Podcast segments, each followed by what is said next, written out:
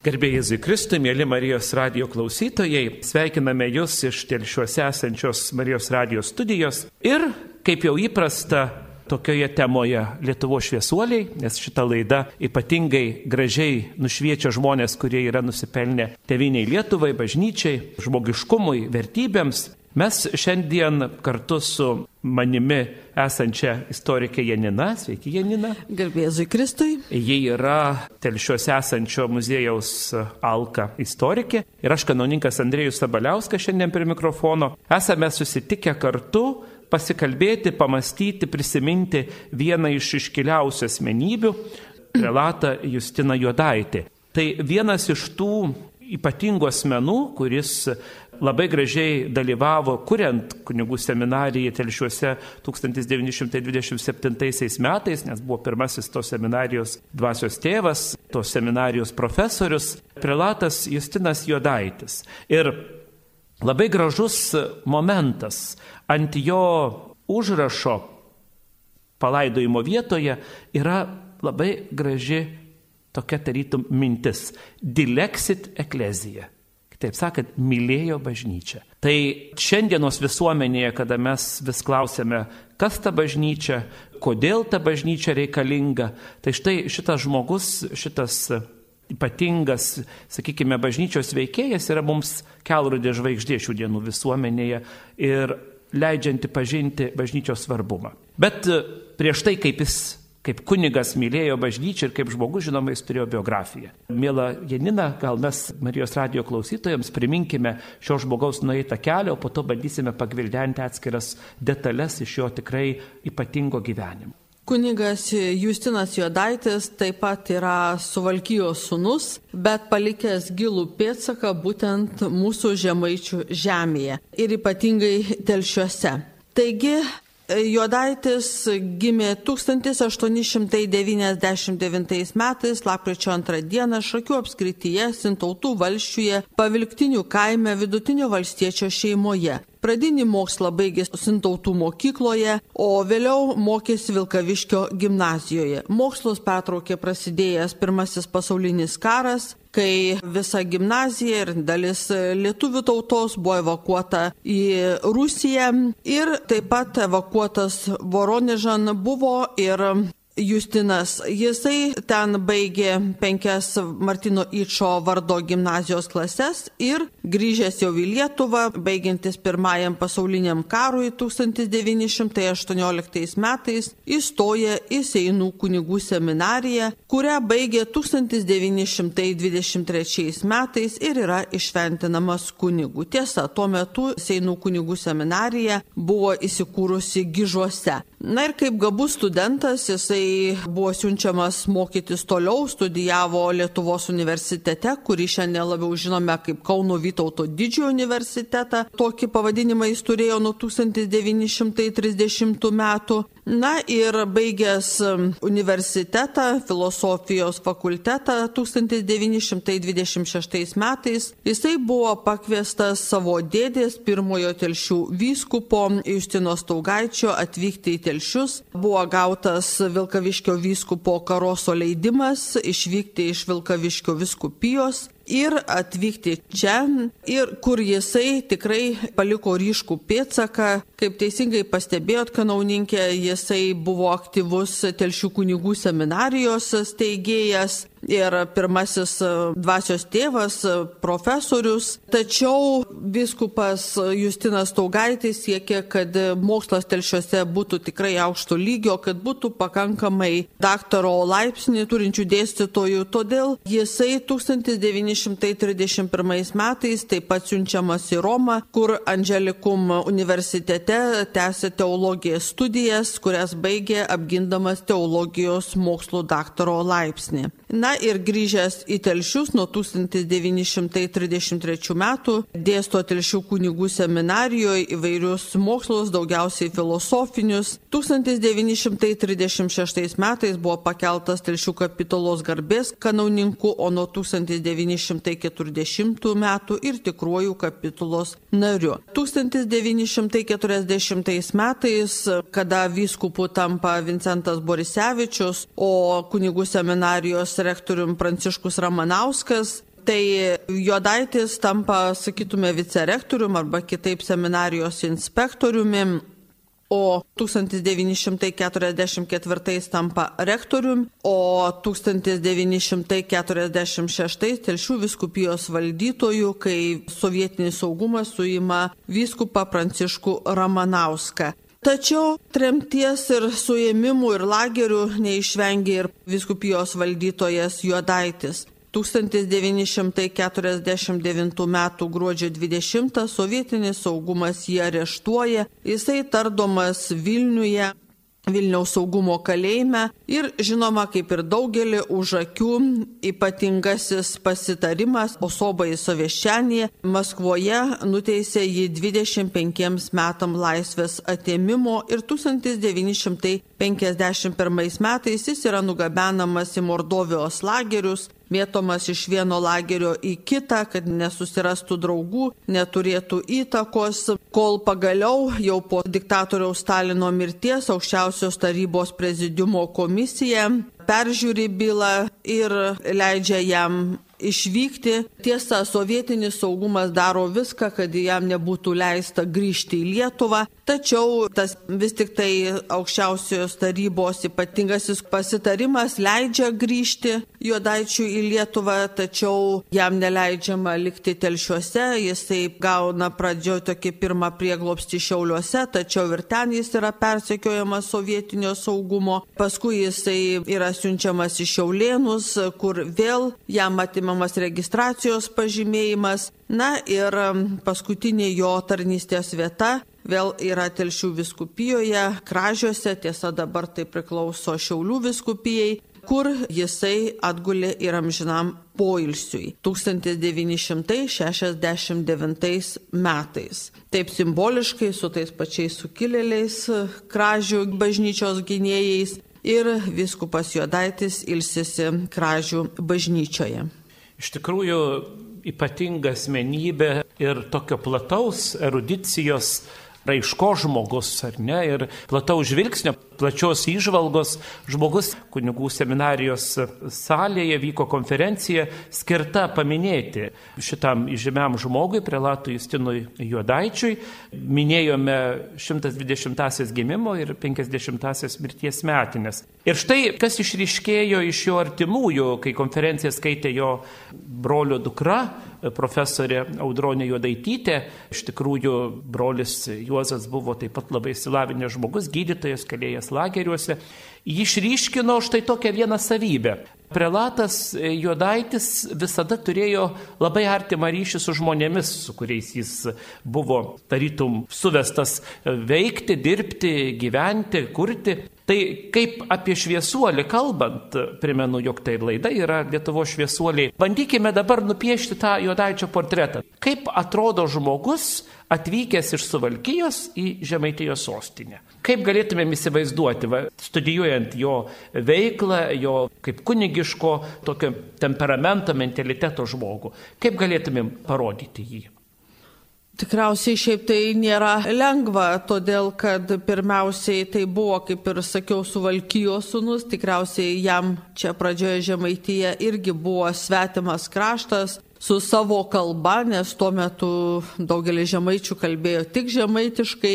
Tačiau, aišku, kas jam buvo iš vienos pusės kaip ir lengviau, čia buvo jo dėdė, jo motinos Petronėlės brolis Justinas, kuris buvo būtent Telšių vyskupas. Tai liktai jisai turėjo tokią, sakytume, ir atramą, ir su kuo pasikalbėti, ir jo labiau, kad jau čia taip pat buvo irgi dar vienas suvalkyjos sunus, tai kunigas tuo metu Vincentas Borisevičius, vėliau antrasis telšių vyskupas. Bet iš kitos pusės manau, kad tas dėdės buvimas ir šiek tiek apsunkino jo gyvenimą, todėl kad kai kas tikriausiai žiūrėjo nelabai taip palankiai ir šiek tiek įtariai, kad čia galbūt yra dėdės protežė, tai ir palaikytojas Taigi jam ko gero reikėjo nuolat įrodinėti, kad jis tikrai yra vertas ir tų pareigų, ir tų titulų.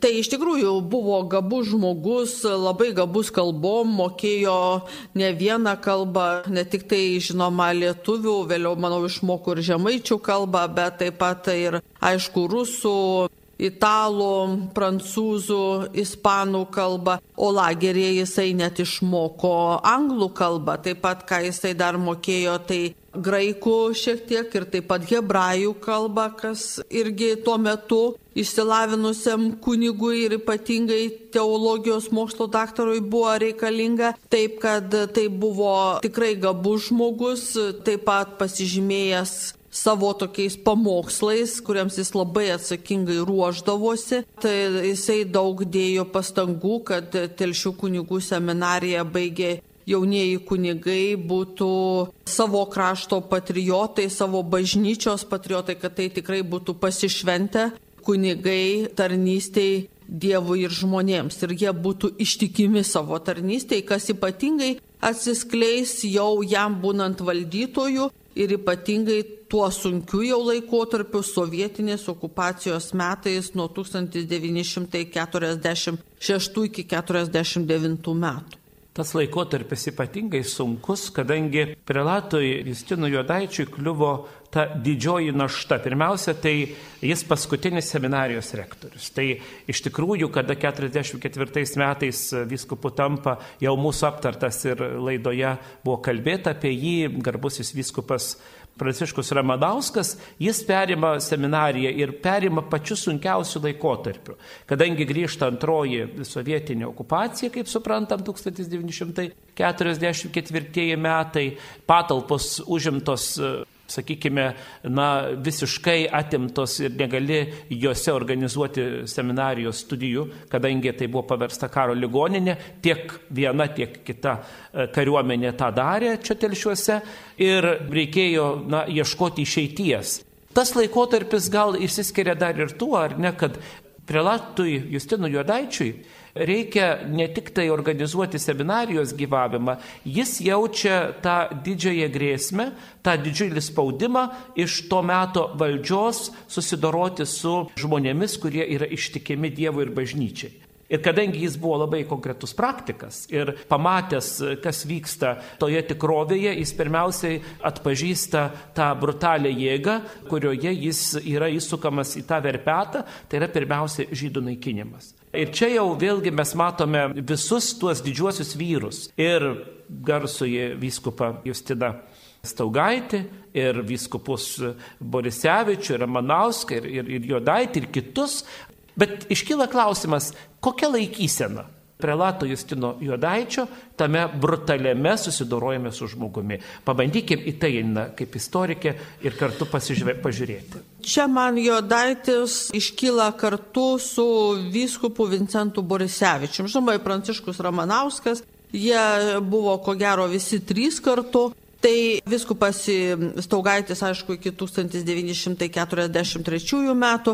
Tai jie visi na, gelbėjo tiek žydus, kiek tai galėjo, jie tikrai irgi ėjo, padėjo ir slėpė ir organizavo ypatingai vaikų gelbėjimą ir iš geto ir paskui padėjo slėpti ypatingai su kunigu Toškūnu ir kitais išduodami netikrus krikšto pažymėjimus, taip ir pasakęs, nekrikštyti, bet išduoti, kad e, žmonėm, jeigu kartais įtartų, kad tai čia gali kokį žyduką slepia, kad tai atseit nežinojo, kad čia mane, kad tai lietuviukas, taigi Jisai irgi dalyvauja visame šitame procese žydų slėpimo O taip pat kaip ir Borisevičius, jisai irgi eina į tą patį nacijų saugumą ir bando užtarti, nes ateina žmonės, prašo, kad užtartų jų artimuosius, kurie, sakytume, simpatizavo sovietiniai valdžiai 1940-41 metais, dabar buvo suimti.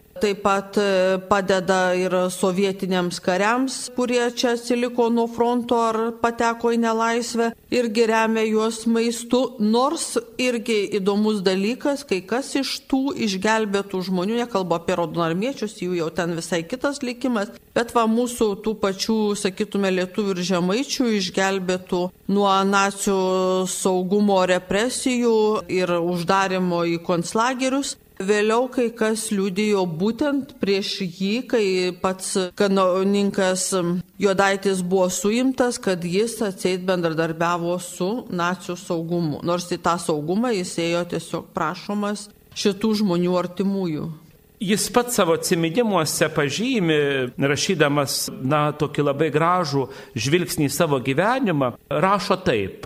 Aš pats išgelbėjau nuo mirties šiuos asmenis. Abramovičių Telšių Lenkų gimnazijos buvusi direktorių, Zaletski Telšių apskrities žemės reformos pirmininką, Šaikūnienę ir Levitienę Telšių rabino žmoną.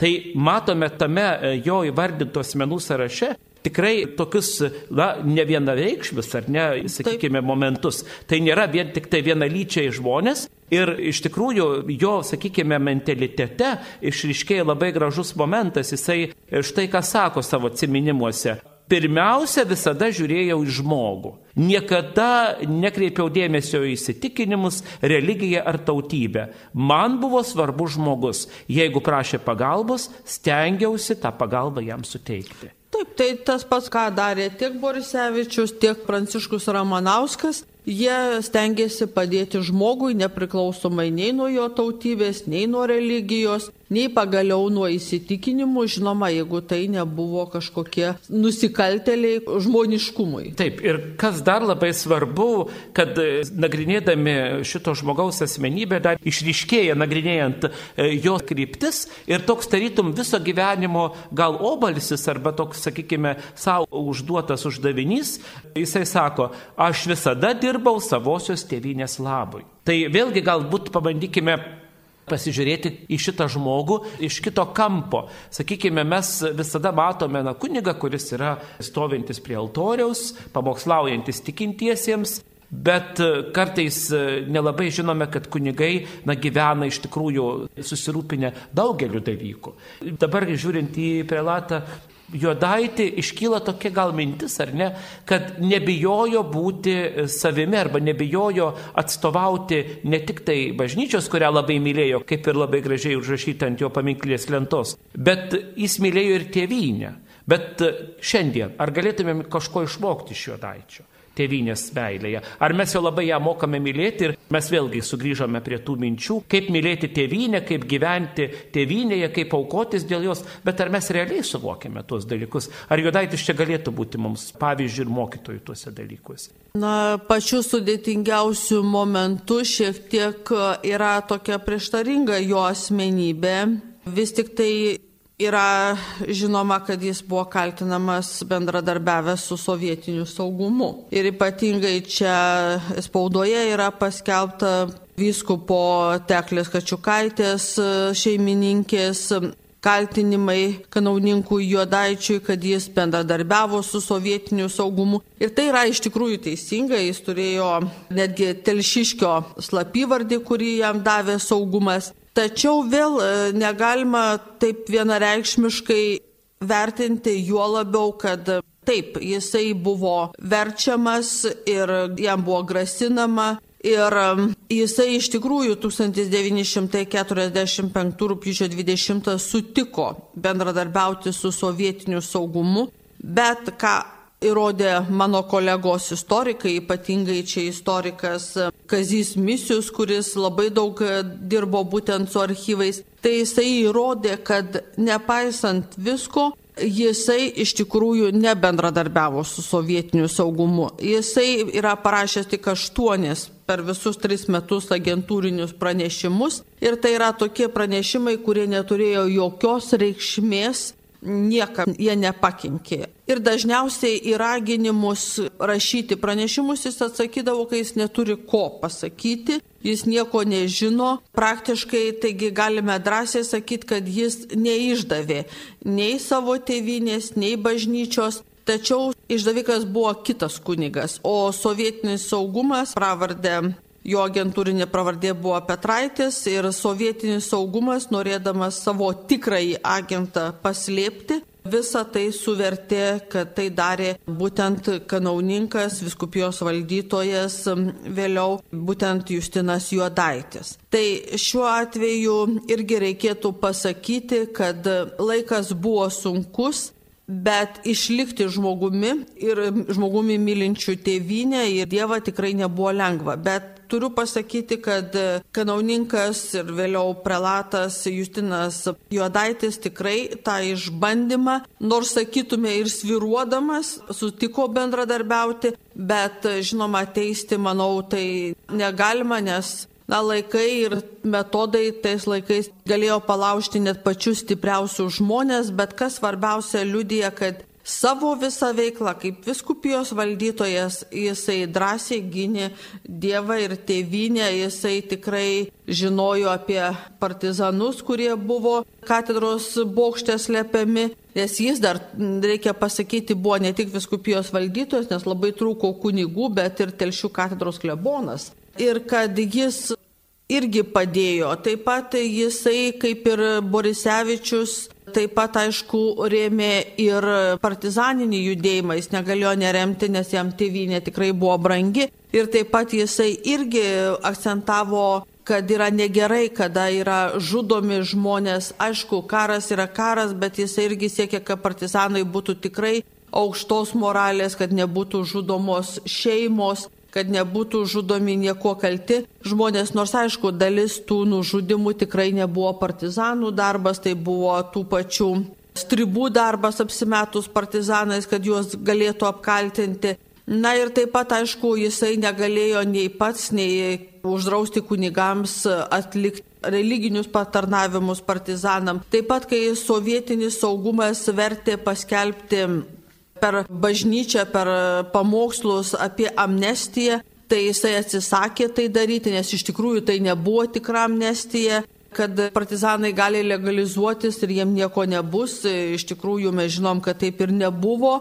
kad tie, kurie paklausė ir išėjo iš miško, jie buvo suimti, tardomi žiauriai arba sušaudyti, arba išgabenti į lagerius. Taigi, kitas svarbus momentas, vėl jam buvo irgi tas laikas sudėtingas, kai kunigai buvo persekiojami, kai jie būdavo suimami. Tai ką padarė tiek viskupai, kad jeigu kunigas gauna gydytojo pažymą, kad jam reikia gydytis, na čia aš vėl simboliškas dalykas gydytis, gydytis, tai jie atleisdavo iš pareigų ir jis galėdavo laisvai išvykti. Na ir tokius kunigus iš kitų Lietuvos viskupijų taip pat viskupas pradžioje Ramanauskas, o vėliau tą patį tęsė ir valdytojas Jodaitis, jisai juos priimdavo, nors žinodavo, kodėl jie atvyksta iš kitų viskupijų, tiesiog jie jau yra ieškomi saugumo, kad juos galėtų suimti. Na ir kitas vėl svarbus toksai dalykas, kuris irgi parodo tokį didelį tvirtumą, tai būtent parodo,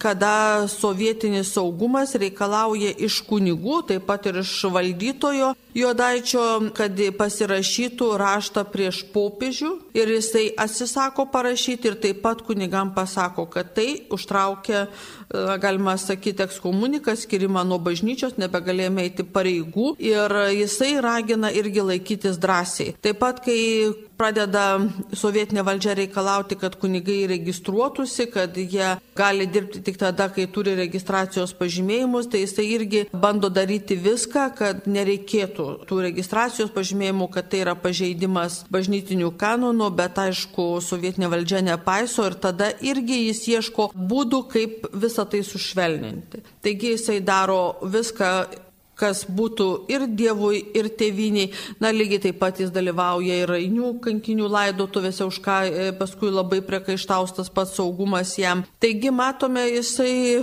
buvo savo tėvinės ir savo krašto sūnus. Žinoma, vienas dalykas yra kalbėti apie tėvinės meilę ir tą tėvinę mylėti ypatingai kritiškų momentų, kai grėsia suėmimas, kai grėsia areštai, lageriai, kankinimai, tačiau jisai iš tikrųjų atlaikė šitą išbandymą.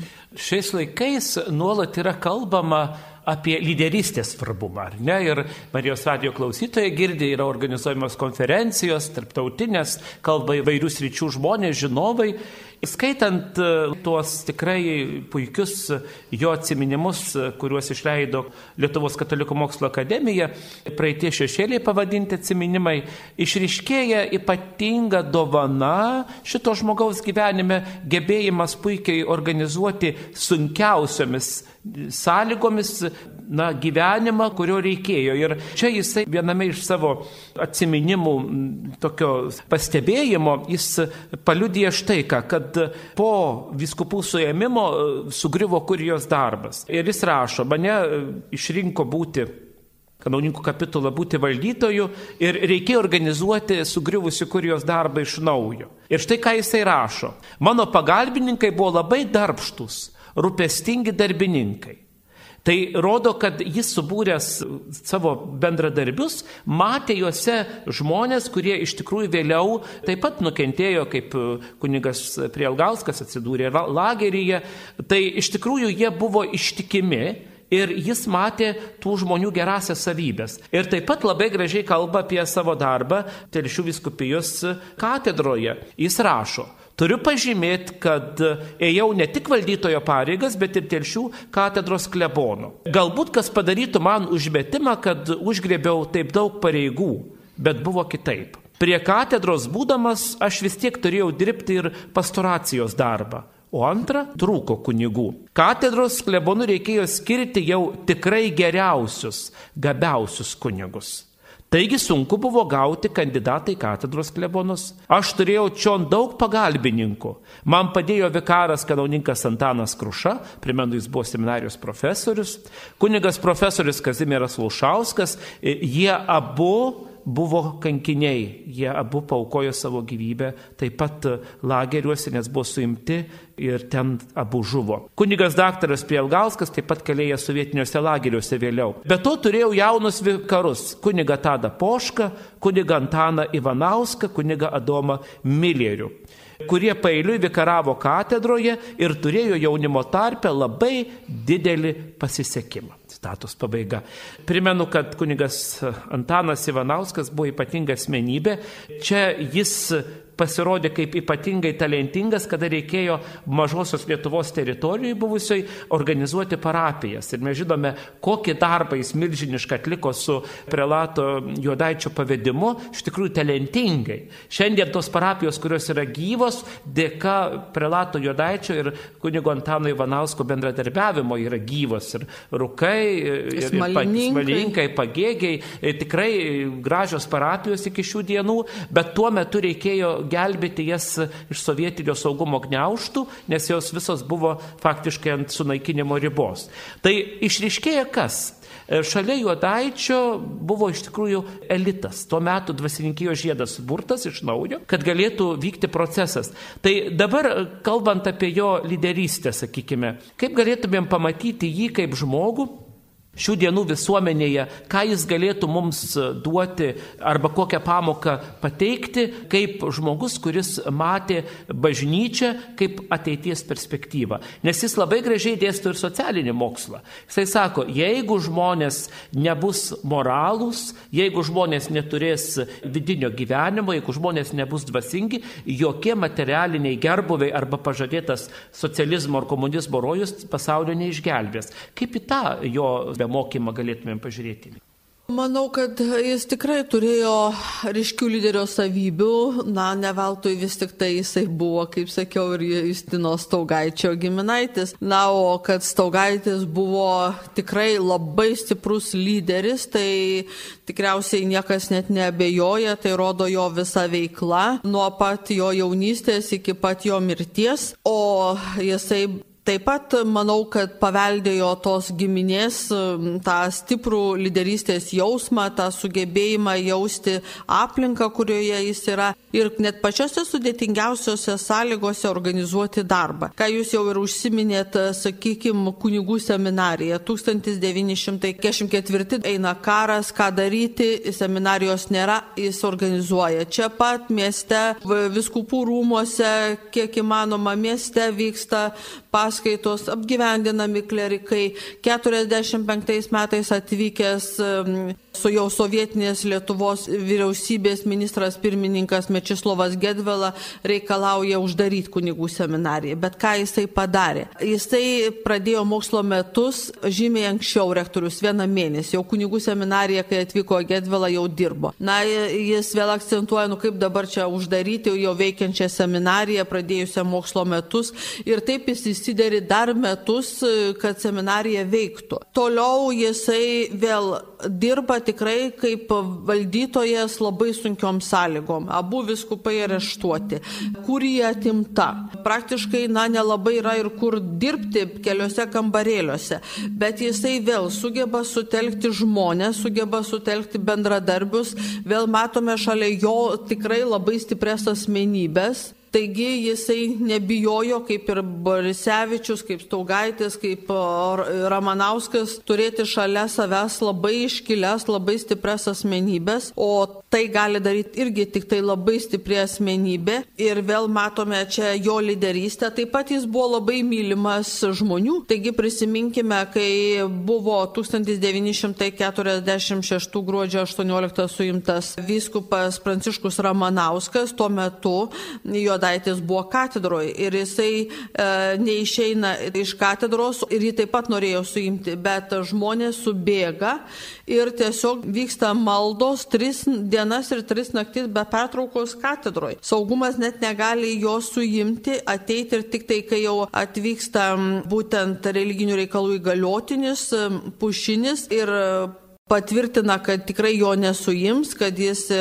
yra dabar skiriamas valdytojų, na, žmonės nusiramina, paliek katedrą, o jisai pradeda eiti viskupijos valdytojo pareigas. Taigi matome, kad jis e, buvo ir populiarus ir pats tarp žmonių, ne tik tai jisai turėjo puikių pagalbininkų, Kitas dalykas, nepaisant to, kad buvo tikrai labai sunkus laikas, bet jisai didelį dėmesį skiria, va, kaip jūs sakėte, ir vaikų katechizacijai. Taip, sovietų valdžia draudžia mokyti, aišku, jisai bando protestuoti, kad tai bažnyčiai, bet jie draudžia mokyti grupėm vaikus, atsičia nelegali mokykla. Tai jis reikalauja iš kunigų gerai, tai po vieną, po du, bet tai yra tėvų pareiga ir kunigai turi padėti. Toliau jis vėl perorganizuoja darbą, kadangi dabar praktiškai visi privalo dirbti, tai ką jisai daro? Jisai vėl reikalauja, kad kunigai vakarais, rytais turėtų šventasias mišes, kad žmonės galėtų po darbo ateiti. Jisai irgi viską daro, kad ir jaunimui būtų įdomu, ir įvairūs vat, vaidinimai, visa kita, kas čia vyksta katedroje, ir prieš Kalėdas, ir prieš Velykas, su vaikais, įvairiai muzikiniai numeriai, visa tai, kad būtų įdomu, nepaisant visų sovietinių provokacijų ir draudimų. Tai matyčiau, kad jis tikrai buvo labai stiprus lyderis, gebėjęs ir pats vesti, ir leisti, ir palaikyti tuos, kurie dirbo. Iš tikrųjų, štai kas yra Lietuvos šviesuolis arba tas šviesuolis savo aplinkoje, ar ne? Kristus vis mums primena, kad jūs esate pasaulio šviesa ir tarytum esame pakviesti būti tarsi žiburiai ant kalno. Tai prelatas Justinas Jodaitis tikrai kaip kunigas, kaip žmogus, kaip asmenybė, kaip mokslininkas, kadangi net ir sovietiniais laikais parašė vadovėlį, asketinė teologija, tas vadovėlis tikrai yra pravartus, sakyčiau, ir šiandien pasigilinus, nes kalba apie žmogaus dvasę, apie žmogaus dvasinę raidą, apie žmogaus būtinybę gyventi e, dievišką gyvenimą, augdant darybės, e, siekiant e, sakramentinio gyvenimo savo kasdienybėje. Visa tai jame tiesiog buvo gyva. Ir šiandien, mėly Marijos radio klausytojai, primenu, girdite laidą apie Lietuvo šviesuolius ir kalbam apie prelatą Justiną Juodaitį. Pagalba iš tokio žmogaus kaip pavyzdžio vėlgi mums yra reikalinga. Mes e, kartais dairomės kažkur labai toli, bet vis turim sugrįžti prie tų žmonių, kurie buvo kartu su mumis savo laiku ir dirbo savo darbus. Ir dar vienas labai ko gero ryškus jo gyvenimo momentas, tai yra kunigų persekiojimo kitose viskupijose, prieimimas į telšių viskupiją. Asmeniškai teko pažinoti ne vieną kunigą, kurie buvo atvyti to meto sunkiomis aplinkybėmis, sakykime, saugumo persekiojami ir jis priima tuos kunigus rizikuodamas iš tikrųjų na, ir savo gyvybę, drąsiai galime sakyti, ir savo autoritetu, ir, ir, bet jis nebijo. Tai tokių kunigų buvo ne vienas ir, ir tikrai, kas girdi Marijos radijo, radiją, prisimins e, kunigą Alfonsą Lukoševičių, ypatingą asmenybę, ypatingą kunigą, kuris ilsisi šiandien Žemaičių kalvarijoje. Jis e, tikrai irgi buvo aukštaitijoje, besidarbuojantis, jis traukėsi e, kuniga Jozapą Širvaitį, ypatingą kunigą, tikrai nuveikusi gražių darbų, kuris ilsisi Skaudvilėje. Šiandien kuniga Bukauską, kuris yra pavandiniai palaido tas tikrai mylimas buvo žmonių kunigas ir galėtumėm daugiau vardinti. Tai buvo tie kunigai, kurie neturėjo galimybės arba turėjo būti suimti, ištremti, susidorota su jais, arba jie turėjo galimybę, tarytum, na, kaip čia sakyti, pasislėpti kitoj viskupijai. Ir prelatas Jodaitis yra tas valdytojas, kuris drąsiai priėmė ne vieną šitokį persikojimą kunigą ir aišku, tai po to mūsų telšių viskupijai tai atnešė didelę naudą, nes tie kunigai ištikimai ir daugybę metų darbavosi, sakykime, viskupijos ir tikinčiųjų labui. Tai va rodo tikrai ar ne ypatingą dovaną. Gebėjimą net sunkiausiam aplinkybėm galvoti apie ateitį. Čia viskopo Justino Staugaičio, ko gero, įdirbis matyti perspektyvą į ateitį, o apie viskopą Justiną Staugaitį mes tikrai kalbėsime, e, ko gero, gal artimiausioje laidoje, iš tikrųjų išsipildė, nebe jame pačiame, bet tuose žmonėse, kurie buvo kartu su juo. Ar tai iš tikrųjų nėra, vad galėtumėm šiandien sakyti, štai ko reikia tikram lyderiui, ar ne? Tai geriausia lyderystės pamoka. Na ir ko gero labiausiai galbūt atsiskleidė ta jo, sakytume, dvasios tvirtybė, tai būtent lageriuose, kai jisai nepaisant visų sunkumų, Jisai ir šventasias mišes aukojo. Ir netgi, kaip jisai rašo savo atminimuose, mes su jaunimu net ir žemaičių kalnų sugėdodavom ir litanijas kalbėdavo, kaip tai įmanoma. Na, žinoma, vėl priklausė nuo lagerio, nuo sudėtingų situacijų, bet pavyzdžiui, naktim laikydavo šventasias mišes. Arba kai trupučiuką e, sušvelnėjo režimas, tai pavyzdžiui, išeidavo kur nors į patvorį, kai ne, jau leido pavyzdžiui, sekmadieniais nebedirbti po Stalino mirties 53 metais, bet aišku, sekė tai, ką darydavo. Pasimdavo, pavyzdžiui, laiškus gaunamus iš artimųjų ir susėsdavo grupelė Ir tada jie melsdavosi. Jeigu prieina, e, pavyzdžiui, sargybinis, sako, jūs melžiate, sako, ne, sako, aš skaitau laišką, nes nemoka skaityti e, šitie žmonės. Nors, aišku, tai nebuvo tiesa, bet kitaip tuo metu buvo neįmanoma. Arba, pavyzdžiui, eidavo vorelė, po penkis, du priekį, du už nugaros, o per vidurį būtent juodaitis ir jisai kalbėdavo maldas ir kartu su kitais. Taigi, įvairiausių būdų sugalvodavo ir tuo pačiu tai buvo tikrai stiprinimas ne tik savęs, bet ir tų žmonių, kurie buvo lageryje. Ir jisai buvo su tai žmonėmis, jisai buvo kunigas ne tik dėl savęs, bet pirmiausia dėl žmonių. Ir dar tokia labai ko gero svarbi savybė, kodėl mes jį šiandien turime kaip pavyzdį, tai jo paties rašyta vėlgi atminimuose tokia labai svarbi mano galva detalė. Jis pasakoja apie tai, kaip jį tardė, kaip jį su juo žiauriai elgėsi tardymo metu. Ir štai jisai e, rašo. Kartą mane tardytojas pasikvietė į savo kabinetą. Maloniai pasikvietė pas save. Užfundijo saldžios arbatos, davė baronkų ir gražiai kaip lapė įkalbinėjo prisipažinti geruoju. Tuomet būsiu paleistas. Aš nepatikėjau jo saldžiai žodžiais ir pasakiau, kad esu atviras ir jeigu kitaip sakyčiau, negu protokoluose surašyta, tai meluočiau. Tuomet viršininkas piktai tarė, mes žinome, kad tave auklėjo didžiausias reakcininkas vyskupas Taugaitis, tai mes žinome, kad tu esi nepataisomas. Man buvo žadama kalnai gerybių, laisvė, pinigai, turtas, gera profesoriaus vieta, bet už tokius praeinančius dalykus savo sąžinės Dievui padedant, velniui nepardaviau citatos pabaiga.